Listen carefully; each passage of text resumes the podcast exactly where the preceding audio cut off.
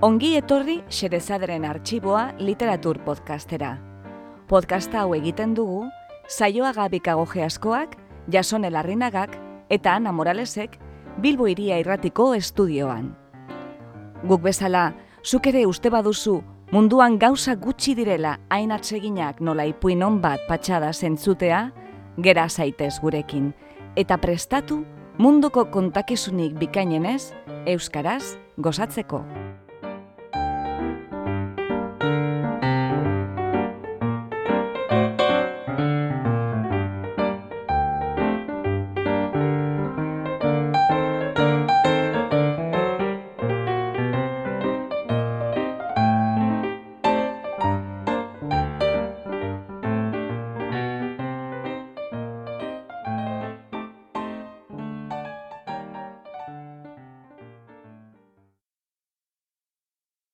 Gaur, xerezaderen arxiboan, apaingarria.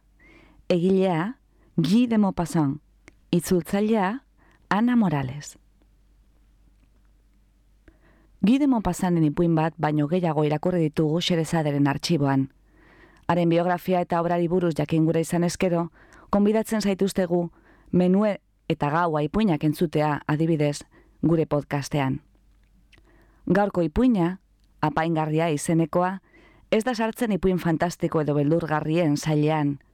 Edo hobeto esan da, beldurgarria bada, baina ez tartean inongo indar sobrenaturalik dagoelako. Behar bada, horrexek egiten du bereziki beldurgarria. Matilde Luazel langileen familia batean jaiotako emakumea da, eta ministerio bateko bulegari ilun baten emaztea. Haren bizitzan ez da luxurik, baina berak betidanik egin du amets saloietako dotorezia eta fintasunarekin, goi mailako damen sedukzio eta xarma giroarekin. Egun batean, bizitzak keinu bat egiten dio. Keinu maltzurra ikusiko dugun bezala. Eta aukera sortzen zaio, betidanik amestu duen gizarte erretako kide izateko gau batez. Dantzaldi dotore baterako konbitea jaso du, eta ipuineko Mari Errauskinek bezala, nahi izango du gau batez printzesa izan. Horretarako, iduneko bat eskatuko dio maileguan txikitako lagun bati, eta hor txasiko da bere txarra. Ipuina hau entzutean, ez dezagun gogorregi epaitu protagonista. Banitatea leporatuko dio inok agian, baina bekatu hori txiki geratzen da bizitzak erakusten dion kurdeltasunaren parean ikaskizun moralen bat ikusiko du bertan baten batek behar bada, baina epuin honek zerbait erakusten badu, besterik da. Alegia, bizitza bera dela pertsonaia gaiztoetan gaiztoena. Alferrik eta errukibarik saritzen eta zigortzen duelako. Arrazoirik eta helbururik gabe.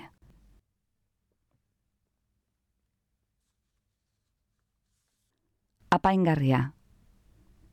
Gide mopasan. Itzultzailea, Ana Morales. Neska polit eta charmant horietako bat zen. Patuaren errakuntza batez bezala, langileen familia batean jaiotakoa.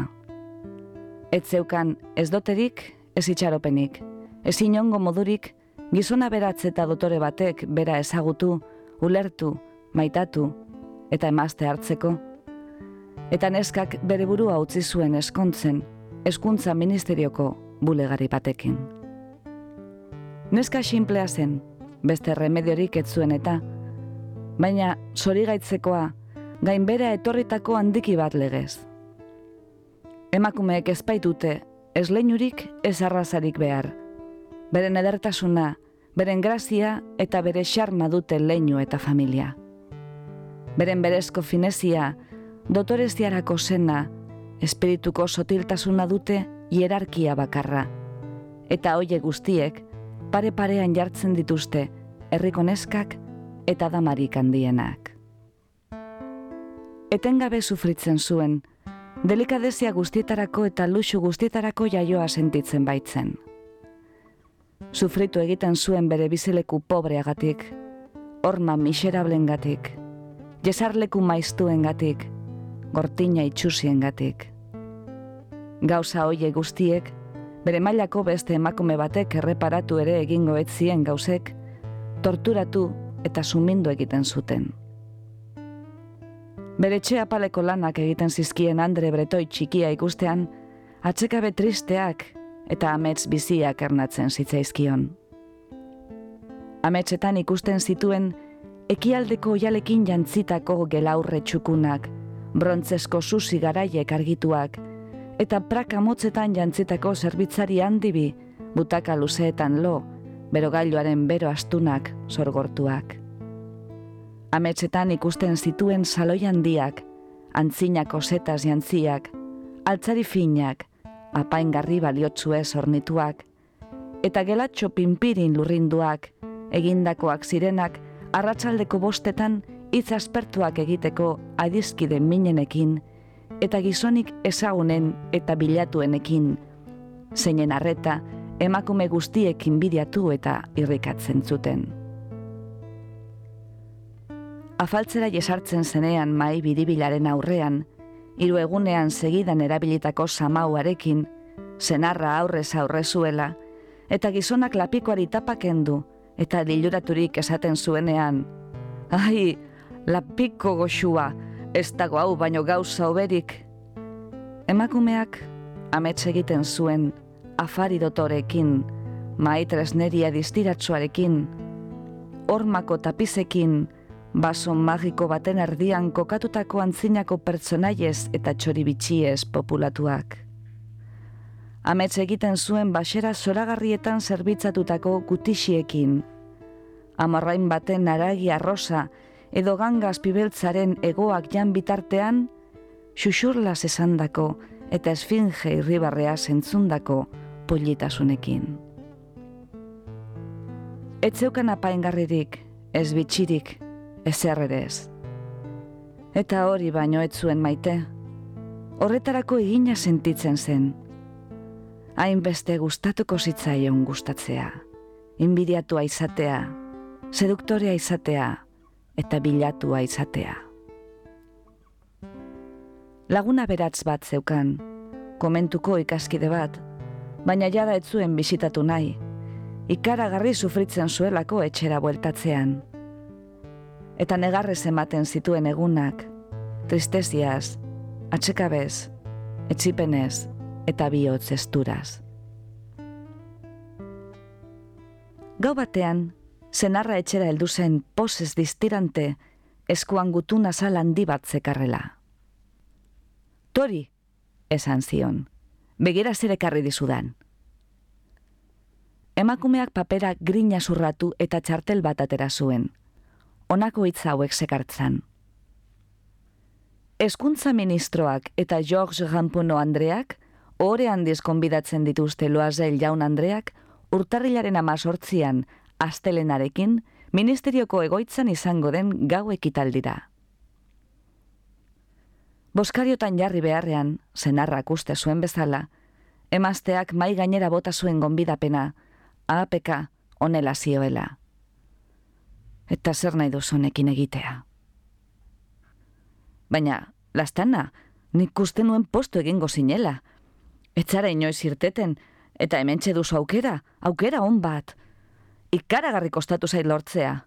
Denek nahi zuten, oso gutiziatuak dira, eta gutxi banatzen dituzte langileen artean. Kargudun guztiak egongo dira bertan. Emazteak suminez begiratu zion, eta zera esan zuen ospinduraz. Zer nahi duzu jantzte aurra joateko? Gizonak ez zuen horretaz pentsatu, zezelka erantzun zion. Ba, teatroera joateko eramaten duzun soinekoa, nire oso ondo dagoela iruditzen zait. Emaztean egarre zegoela ikustean, gizona isildu egin zen, txundituta, asaldaturik. Emazteari, bi malko handi erori zitzaizkion astiro begien ertzetatik ahoaren ertzetaraino. Totelka, gizonak esan zion. Zer duzu? Zer duzu baina? Hala ere, esfortzu eskerga batez, emazteak menderatua zuen tristezia eta ahots lasaia erantzun zion, masail guztiak zikatuz. Ez errez, zera baino ez, ez daukadala ez zera paintzeko, eta beraz ezin naizela festa horretara joan. Eman gonbidapen hori, ni baino beto jantzitako emaztea daukan lankideren bati. Gizona lur jota zegoen, erantzun zion. Tira, Matilde, zenbat kostatuko litzateke jantzi egoki bat, aurrerantzean ere erabiltzen ezakena, gauza simple-simpleren bat. Emaztea pentsakor geratu zen segundo batzuetan, kontuak egiten eta pentsatzen zin kopuru eskatu izango zuen, bulegari begiratuaren ahotik bere alako esetza eta arridurasko esalderen bat entzun barik. Azkenean, zera erantzun zion zalantzati. E, ez dakit zehatz, baina iruditzen zait, lareun frankorekin moldatuko nintzatekela. Gizona apur bat zurbildu zen, kopuru hori erreserbatua zuelako fusil bat erosteko, urrengo udan eizean joateko nanterreko lautadan, igandetan egatxabaletan joan oiziren lagun batzuekin. Hala ere, onela erantzun zion. Hala izan bedi, lareun franko emango dizkizut, baina izan dadila soineko polit bat. Gertu zen festaren eguna, eta loazel Andrea, triste, urduri, ezin egonik zegoen. Arropa prezuen ala ere. Honela esan zion zenarrak gau batean. Zer duzu? Oso arraro zaude azken hiru egunotan.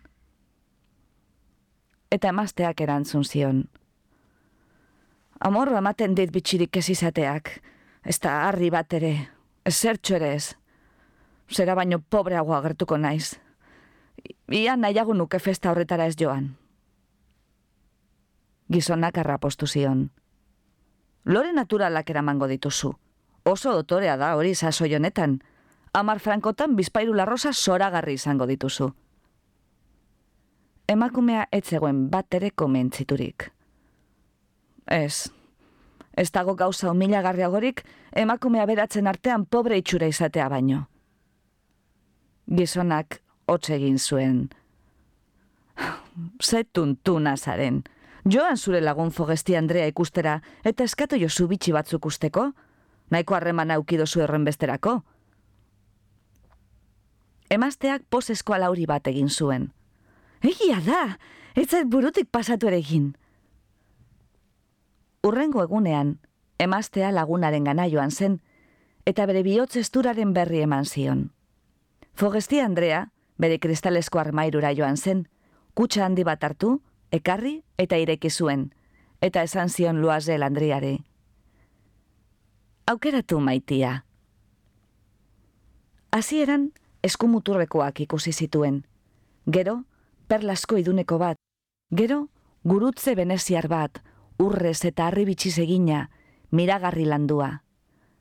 Apaingarri horiek probatu zituen izpiluaren aurrean, salantzaz, soinetik kendu ezinik, kutsara itzuli ezinik behin eta berriro galdetzen zuen.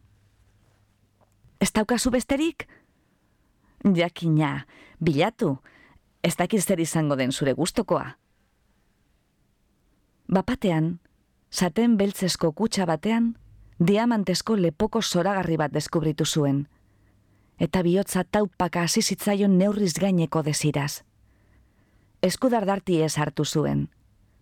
Samaren inguruan lotu zuen, lepo itxiko soinekoaren gainetik, eta liluraturik geratu zen bere buruari begira. Gero, salantzaz, onela galdetu zuen, bihotza estuturik. Utziko zenidake hau, hau bakarrik? Jakina, zelan ez? Lagunaren lepora jauzi egin eta musuka ekin zion zuarki. Gero, altxorra hartu eta joan egin zen heldu zen festaren eguna.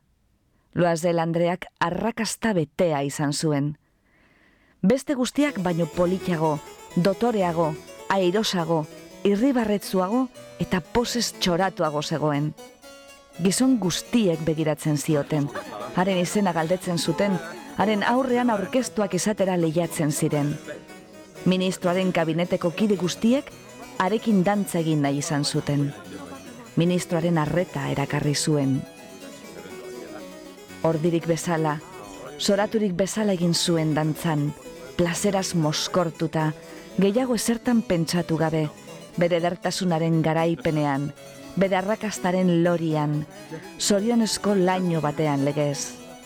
Pleitezia oie guztiek, miresmen oie guztiek, piztutako desira oie guztiek, eta emakumeen bihotzei hain goxoa zaien garaipen erabateko ark eratutako lainoan.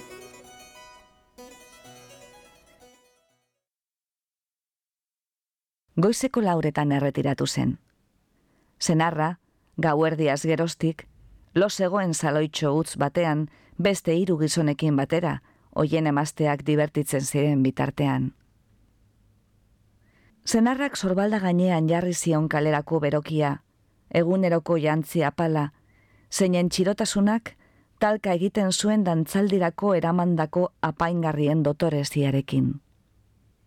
Emaztea konturatu zen, eta iez egin nahi izan zuen, larro aberatzetan biltzen ari ziren beste emakumeak eskonturatzeko. Loazelek geldiara hasi egin zuen. Itxaron baina, osto egin gozara kanpoan, kotxe bat eskatuko dut. Baina emazteak etzion kasurik egin eta harineketan jaitzi zuen eskailera. Kalera heldu zirenean, ez zuten kotxerik aurkitu. Bila hasi ziren, urrundik pasatzen ziren kotxe zainei deika. Zen arantz jaitzi ziren, etxita, dardarka. Azkenik, kaian aurkitu zuten gaueko Berlina zahar hoietako bat, Parisen gau ez baizik ikusten ez diren hoiek, egunez beren miseriaz lotsatuko balira bezala. Etxeko ateraino eraman zituen, martirien kalera, eta tristezia zigo ziren gora amaituta zegoen dena emaztearen zat. Gizona, berriz, pentsatzen zebilen, goizeko amarretan ministerioan egon behar zela. Emazteak berokia erantzi zuen, izpiluaren aurrean, behin ere gehiago bere burua loria osoan ikusteko. Baina bapatean, oio egin zuen. Lepokoa etzen ageriaren idunaren inguruan. Zenarrak, daueneko erdi erantzita, galdetu zion. Zer duzu? Emaztea arengana giratu zen, astoratuta. Lepokoa, lepokoa, ez daukat fogestia Andrearen lepokoa. Gizona jaiki zen, zenetik irten da. Zer? Zelan, ez da posible. Arroparen tolesturak arakatu zituzten, berokiaren tolesturak, patrikak, leku guztiak, ez zuten ezer aurkitu. Gizona galdetu zuen. Ziur zaude dantzalditik irten garenean, soinean zenuela? Bai, ukitu egin dut ministerioko behe barruan. Baina kalean galdu bazenu, entzungo genuen jaustean. Kotxean egon behar da. Bai, segurutik, hartu duzu zenbakia? Ez, eta zuk ere ez duzu ikusi? Ez, elkarri begira geratu ziren, izututa.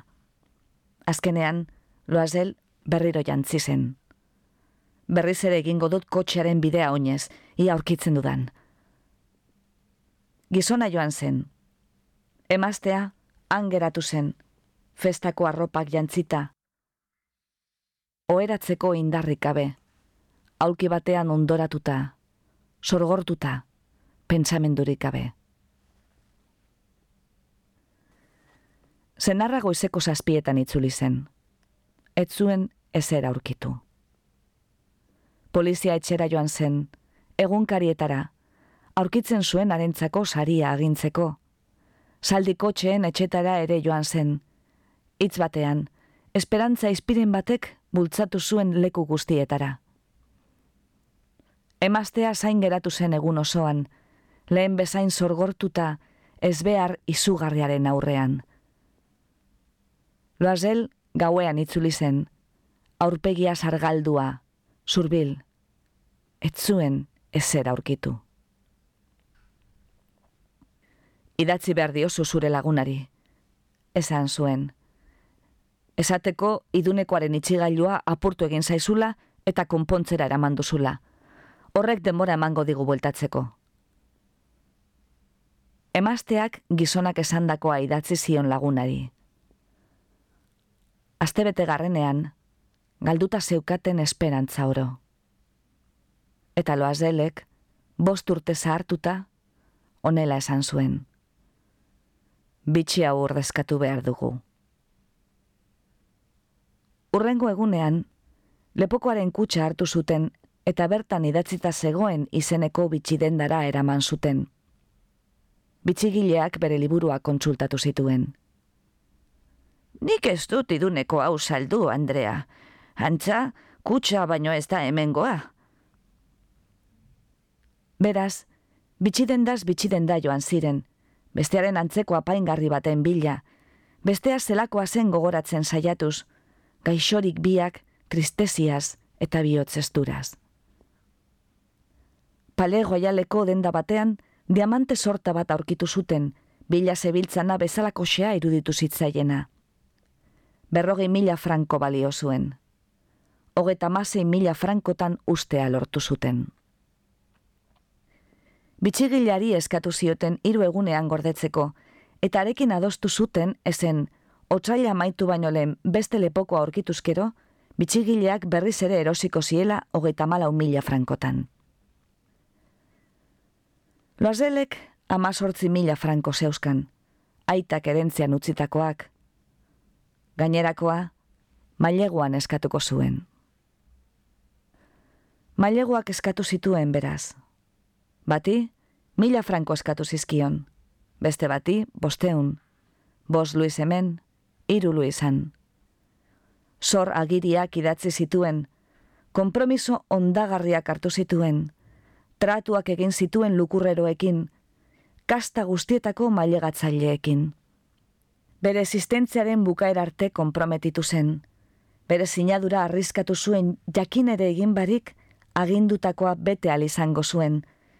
Eta beldurrez larriturik etorkizuneko estutasunengatik, gainera zetorkien miseria gorriagatik, aurrean ikusten zituen pribazio fisiko guztiengatik eta oinazen moral guztiengatik, lepoko berria erostera joan zen, eta hogeita masei mila frankoak utzi zituen saltzailearen maian. Loazel Andreak apaingarria itzuli zionean fogestia Andreari, honek hala esan zion ostasunez. Arinago itzuli beharko zenidan, behar bada, haren premia izango nuen. Ez zuen kutsa zabaldu, adizkideak beldurra esuste zuenaren kontrara. Aldaketaz konturatu balitz, zer pentsatuko zuen, zer esango zuen, ezote zuen lapurtza tartuko? Loazel Andreak behartzuen bizimodu ikaragarria ezagutu zuen. Bere partea edan zuen, tragu batez edan ere, eroikotasunez. Zor ikaragarri ura ordaindu beharra zegoen, ordaindu egingo zuen ba. Neskamea bidali zuten, etxe saldatu ziren, ganbara bat alokatu zuten. Garbiketa lanen neke latzak ezagutu zituen Matildek, sukaldaritzaren behar gorrotagarriak. Platera garbitu zituen, beratzal arrozez ontziko ipetsuak eta lapikoen ondoak arraskatuz. Arropa zikinak jabonatu zituen, alkondarak eta trapuak, eta gero sokan zabaldu zikatzeko. Goizero goizero, sastarrak ateratzen zituen kalera, eta aura ekarri gora, pisu bakoitzean geldituz arnasa hartzeko. Eta, herriko andre baten moduan jantzita, fruta dendara joaten zen, janari dendara, arategira, otzara besoan hartuta, tratuan egitera, beheraturik, sosa sosa, bere diru apurrak defendituz. Ilabetero, sora giri batzuk ordaindu behar eta beste batzuk lusatu, denbora irabazi. Zenarrak iluntzean, merkatari baten kontuak eramaten zituen, eta gau askotan kopia lanak egiten zituen, horriko bos sosetan. Bizimodu honek, amar urte iraun zuen. Amar urteren buruan, Diru guztia zeukaten itzulita. Dena, lukurreroen tasak eta gaineratutako interesak barne. Orain, Loazel Andreak zaharra ematen zuen. Etxe pobretako emakume indartsua, gogorra eta sakarra bihurtuta zegoen. Txarto orrastuta, gonak okertuta eta eskua gorriturik, ozen hitz egiten zuen, behe gaina garbitzen zituen ur baldakedekin. Baina, batzuetan, zenarra bulegoan zegoenean, leioaren aurrean jesartzen zen, eta behinolako gau hartaz pentsatzen zuen. Bera, hain nederra eta hain miretzia izan zen, dantzaldi hartaz. Zer gertatuko ote zen, apaingarria galdu espalu. Nok txakin. Nok txakin. Ze bitxia den bizitza. Ze aldakorra. Ze gutxi behar den norbera galtzeko edo salbatzeko. Igande batean, Lazel Andrea Eliseo zelaietara joan zen ostera bat egitera. Azteko nekeetatik atxeden hartu nahian. Eta bapatean, emakume bat ikusi zuen, umetxo bat paseatzen. Fogestia Andrea zen, beti bezala gazte, beti bezala eder, beti bezala xarmangarri. Loazel Andrea unkituta geratu zen. Berba egingo altzion. Bai, jakina. Eta orain, dena ordainduta zegoela, guztia esango zion. Zergatik ez? Urbildu egin zitzaion bada. Kaixo jen. Besteak ez zuen ezagutu, eta asaldatu egin zen, behe mailako emakume batek alako konfiantzaz deitzen ziola ikusita zezelka esan zion. Andrea, Andrea, ez, ez dakin uste dut erratu egin zarela. Ez, Matilde loazel naiz. Lagunak oio egin zuen. Hene, hene Matilde gaixoa, ze aldatuta zauden. Bai, egun gogorrak ezagutu ditut azkeneko zikusi zintu danetik eta zori txarrasko. Eta dena, zeugatik. Nigatik, zelan baina. Gogoratzen duzu, ministerioko festara joateko utzi zenidan diamantesko lepoko ura? Bai, eta zer? Ba, galdu egin nuen. Zelan baina, voltatu egin zenidan eta. Beste bat itzulin izun, oso antzekoa eta amar urte eman ditugu ordaintzen. Ulertuko dozunez, ez da izan erreza guretzat, ez errezken nuen eta. Baina amaitu eginda, eta orain poses txoratzen nago. Zer diozu, diamantesko lepoko bat erosi zenuela nirea ordezkatzeko? Bai, ez zinen konturatu, eh? Oso antzekoak ziren eta. Eta irribarre egin zuen pos arro eta xaloaz. Fogesti Andreak, guztizunkiturik, eskubiak hartu zizkion. Ai, nire Matilde gaixoa. Nirea faltzua zen baina. Ez zuen balio, posteun franko baino gehiago.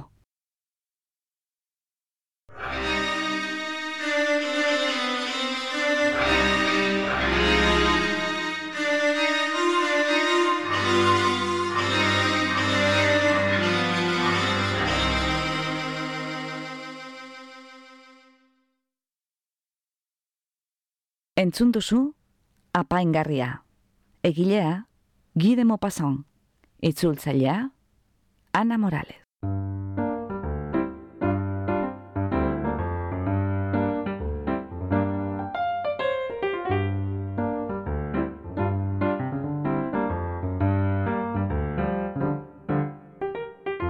Xerezaderen artxiboko beste atal bat entzun duzu. Gure doinoa da, Charleston Behind the Attic Door, Dance of the Winds taldearena. Efektuak freesoundetik hartuak dira. Iru ubebikoitz puntua freesound puntua org. Podcast hau egiten dugu, saioa gabikago geaskoak, jasone larrinagak eta Ana Moralesek Bilbo iria irratiko estudioan. Mila esker gurera hurbiltzeagatik. Gustora egon bazara, etorri urrengo batean berriz ere, Xerezaderen artxiboa literatur podcastera. Laster arte!